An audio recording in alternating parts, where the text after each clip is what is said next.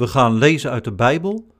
We lezen Matthäus 15, vers 29 tot hoofdstuk 16, vers 12. Jezus trok weer verder. Bij het meer van Galilea ging hij de berg op. Daar ging hij zitten. Er kwamen grote mensenmassa's op hem af. Men had verlamden, blinden, kreupelen, doofstommen en vele anderen meegebracht, die men aan zijn voeten legde, en hij genas hen allen. De mensen zagen vol verwondering hoe doofstommen gingen spreken, kreupelen beter werden, verlamden gingen lopen en blinden weer konden zien, en ze brachten hulde aan de God van Israël. Nadat Jezus zijn leerlingen bij zich had geroepen, zei hij: Ik heb medelijden met al die mensen, want ze zijn nu al drie dagen bij me en ze hebben niets meer te eten. En hen met een lege maag naar huis sturen wil ik niet, want dan zouden ze onderweg bezwijken. De leerlingen antwoordden: Maar waar halen we in deze verlatenheid genoeg brood vandaan om al die mensen te voeden? Jezus vroeg hen: Hoeveel broden hebben jullie? Ze zeiden zeven en wat visjes. Hij gaf de mensen opdracht op de grond te gaan zitten. Toen nam hij de zeven broden en de vissen, sprak het dankgebed uit, brak de broden en deelde ze uit aan de leerlingen, en de leerlingen gaven ze aan de mensen. Iedereen at en werd verzadigd. En toen ze de stukken brood die over waren ophaalden, hadden ze zeven manden vol. Er hadden ongeveer 4000 man gegeten, vrouwen en kinderen niet meegeteld. Nadat hij de mensen had weggestuurd, stapte hij in de boot en voer naar de omgeving van Magadan. De Fariseeën en Sadduceeën kwamen hem op de proef stellen met de vraag hun een teken uit de hemel te tonen. Hij gaf hem daarom dit antwoord. Wanneer de avond valt, zegt u morgen mooi weer, want de hemel kleurt rood. En ochtends storm op til, want het rood aan de hemel is dreigend. De aanblik van de hemel weet u wel te duiden en de tekenen van de tijd niet. Dit is een verdorven en trouweloze generatie. Ze verlangen een teken, maar zal geen ander teken krijgen dan dat van Jona. En zo liet hij hen staan en vertrok. De leerlingen voeren naar de overkant, maar ze waren vergeten brood mee te nemen.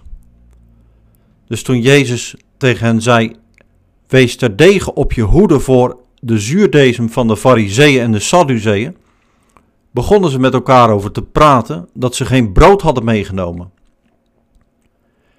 Jezus merkte het en zei: Kleingelovigen, Waarom bespreken jullie met elkaar dat je geen brood bij je hebt? Begrijpen jullie het dan nog niet? En herinneren jullie ook niet de vijf broden voor de vijfduizend? En hoeveel manden jullie weer ophaalden? En ook niet de zeven broden voor de vierduizend en hoeveel manden jullie toen weer ophaalden? Hoe is het mogelijk dat jullie niet begrijpen dat ik het niet over brood had? Wees op je hoede voor de zuurdesem van de Fariseeën en de Sadduceeën. Toen begrepen ze dat hij niet bedoelde dat ze op hun hoede moesten zijn voor de zuurdesem in het brood, maar voor het onderricht van de Fariseeën en de Sadduceeën. Tot zover het woord van God.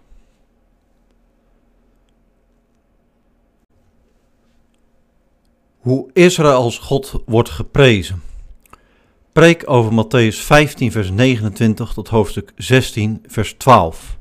In de serie preken over het evangelie van Matthäus.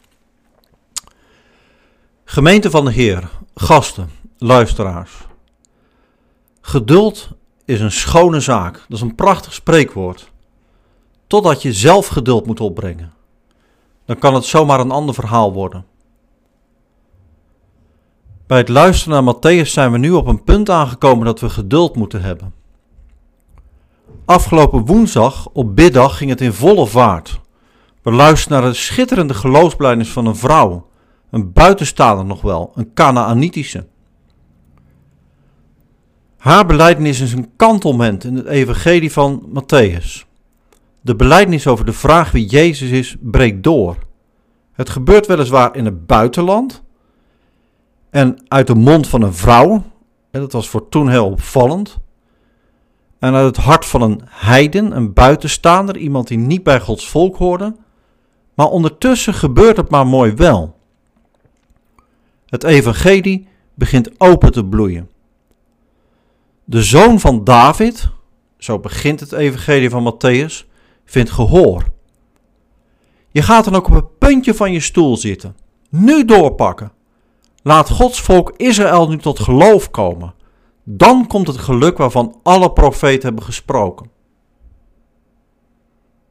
Maar we moeten geduld hebben. Geduld is immers een schone zaak. Nou, niet echt. Want hoe tergend is het vervolg? Er staat dat Jezus weer bij het meer van Galilea komt en de berg op gaat. Zie je dat? Dit is terug bij af. Jezus is als het ware weer bij de bergreden. Zie Matthäus 5, 6 en 7. En het gaat precies zoals toen. Mensen komen op hem af en hij geneest ze allemaal. En dan moet je opletten. Dit is echt wat. Dit staat er over de reactie van de gelovigen. Ze brachten hulde aan de God van Israël. Zie je dat? Zie je dat? De God van Israël is in hun midden. Het is Jezus, de koning van het koninkrijk. Hij geneest. Hij vergeeft. Hij heelt. Hij herstelt. Hij vervult de profeten. En dat doet hij aan de lopende band en op indrukwekkende wijze. Alle beloften van de profeten beginnen uit te komen. Maar de mensen kijken omhoog, alsof een God daar ergens, hoog boven in de wolken is. Laten we Hem bedanken. Ze kijken de God van Israël recht in het gezicht. In Jezus raken Gods handen hen aan. De Canaanitische vrouw ziet het en zij erkende het. Lees Matthäus 15, vers 21 tot 28. Maar Gods volk ziet er langs heen. Gemeente, wat een tekst is dit: horen en zien vergaan. Geduld is een schone zaak, zeggen we dan. Ja, ja. Je vraagt je af, hoe zou dit voor Jezus zijn geweest? Nou, dat staat er niet en wel.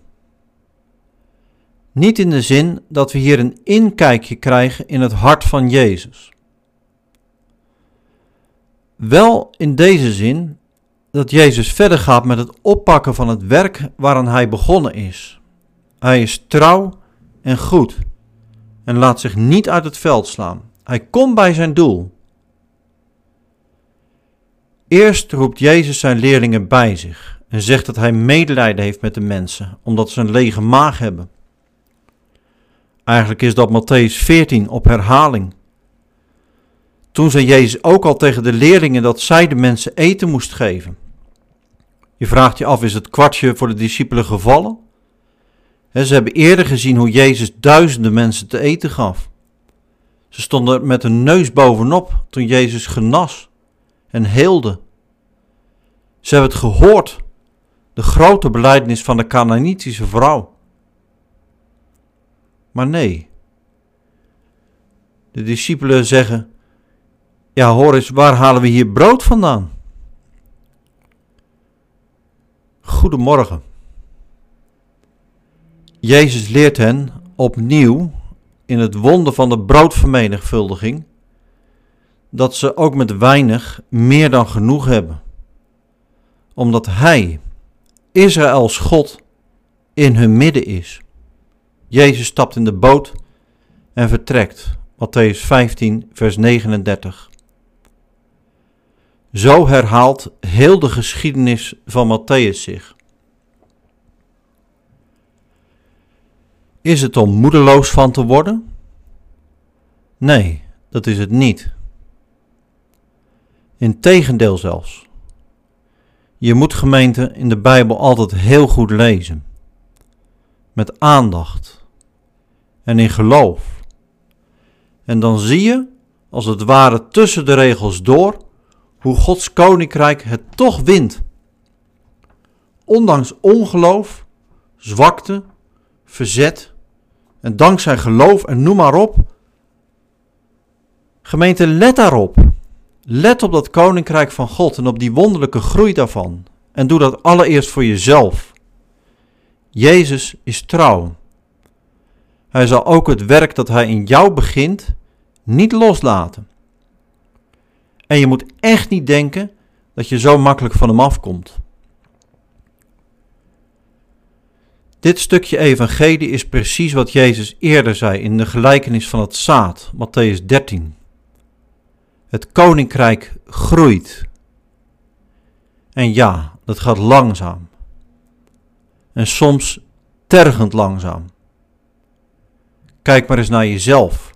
Hoe snel je met allerlei dingen bezig kunt zijn die minder slim zijn, die de plank misslaan of domweg verkeerd zijn. En hoe kun je in de kerk met van alles en nog wat bezig zijn, maar niet zien waar het om gaat? Beter gezegd, om wie het gaat. Maar let op, de naam van Israëls God zal geprezen worden. Jezus komt tot zijn doel. Gemeente, zo lezen we dit stukje. Ergens tussen de regels door begint het kwartje toch te vallen. Lees maar verder in hoofdstuk 16. Jezus krijgt opnieuw te maken met tegenstand van de religieuze leiders. Ze willen wel eens even een bewijs van Jezus zien, een teken. Het zijn net westerse mensen. Maar Jezus geeft geen teken, behalve het teken van Jona. Het teken van Jona, dat klinkt voor ons nogal raadselachtig, maar voor de gelovigen van toen moet het gelijk duidelijk zijn geweest. Jona, die was in de zee terechtgekomen. De golven sloegen om hem heen. Denk aan de golf op het meer in Matthäus 14. Jona kwam in het zeemonster.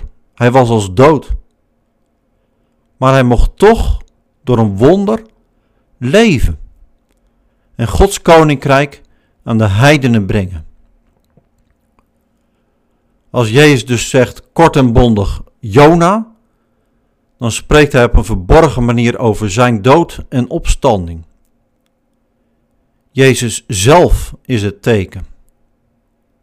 Hij ging ten onder in de dood, maar versloeg op die manier juist het kwaad. En net als bij Jona zou zijn dood en opstanding alle volken ten goede komen. De dood wordt overwonnen. Gods dag breekt stralend aan. Dat zegt Jezus. In de discussie die dan volgt, zie je dat er een lampje gaat branden bij de discipelen. En wat voor een lampje? Dit is de Heilige Geest zelf die aan het werk is. Lees 1 Corinthians 12, vers 3. De discipelen gaan inzien dat ze weg moeten blijven bij slecht onderricht. Ze gaan moeten kiezen. De discipelen begrijpen dat Jezus de weg en de waarheid is. De discipelen gaan langzamerhand zien wie Jezus is. En dan schalt de beleidenis van Petrus je tegemoet in Matthäus 16, vers 16. Maar gemeente, zover is het nog niet. Eerst geduld. Want geduld, weet je nog, is een schone zaak. Het is alsof Matthäus hier aan slow down doet. Met opzet vertraagt. Alles in herhaling terugspoelt. Heb jij een idee waarom Matthäus dat doet? Zou hij misschien jou en mij iets willen laten zien? Denk aan een prachtig doelpunt van een geweldige club. dat wil je nog eens een keer terugzien in slow motion het liefst. Die prachtige beweging, hoe de bal de kruising verdwijnt. Nou, dat is Matthäus 15 en 16. In de vertraging, in de slow motion, kijkt Matthäus je aan. Nee, ik moet het anders zeggen. In en door het evangelie van Matthäus kijkt Jezus jou aan. En jij, vraagt Jezus. Wat zeg jij nou op die vraag, wie ik ben? Gemeente, luisteraars, daar gaat het hier om. We staan tussen de mensen in. We staan naast die Canaanitische vrouw.